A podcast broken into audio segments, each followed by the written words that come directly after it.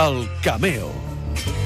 La sèrie que em vaig enganxar va ser Breaking Bad, va ser veure el primer capítol i, i a partir d'allà mm, m'hi anava enganxant cada cop més, sobretot per com interpretaven els actors, el protagonista em va impressionar molt, no? tota la seva història, a partir d'allà com, com va progressant, i la veritat que va ser com durant dos mesos super enganxat a la sèrie, fins que es va acabar i a més a més té un final eh, espectacular.